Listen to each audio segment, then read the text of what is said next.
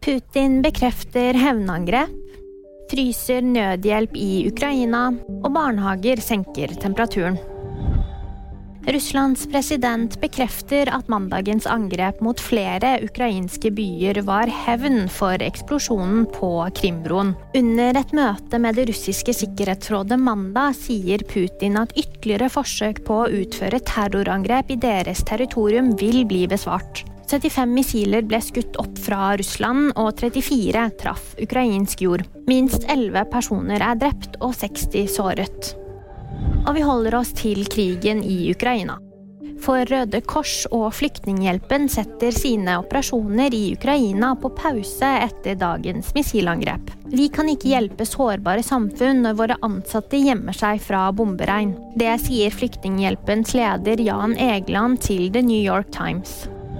Nå blir det litt kaldere for de aller minste. Flere barnehager ser seg nødt til å senke temperaturen pga. høye strømpriser.